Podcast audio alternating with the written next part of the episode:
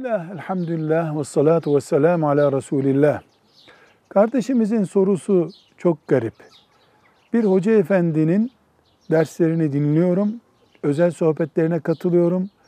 Camiden çıkınca da onunla beraber çay muhabbetimiz oluyor. Ama hoca efendi muhteşem bir anlatımı var. Çok güzel din öğreniyorum.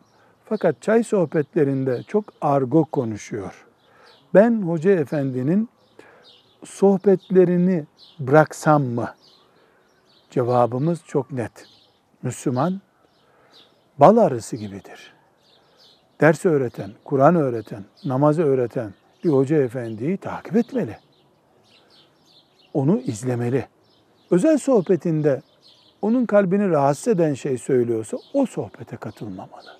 Seçici olmak zorundayız. Müslüman seçicidir. Terk edici değildir imana taalluk eden bir mesele ise elbette zaten terk edip gideceğiz. Bu kural hoca efendi için de geçerli, öğretmen efendi için de geçerli, akrabalar için de geçerli.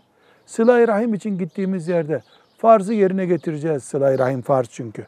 Bunu yapacağız diye gittik. Mesele gıybete dönüştü. Aileye, iftiraya söz konusu olacak bir noktaya dönüştü. Allahu Ekber der kalkarız oradan. Farz yapacağız diye harama bulaşmayız.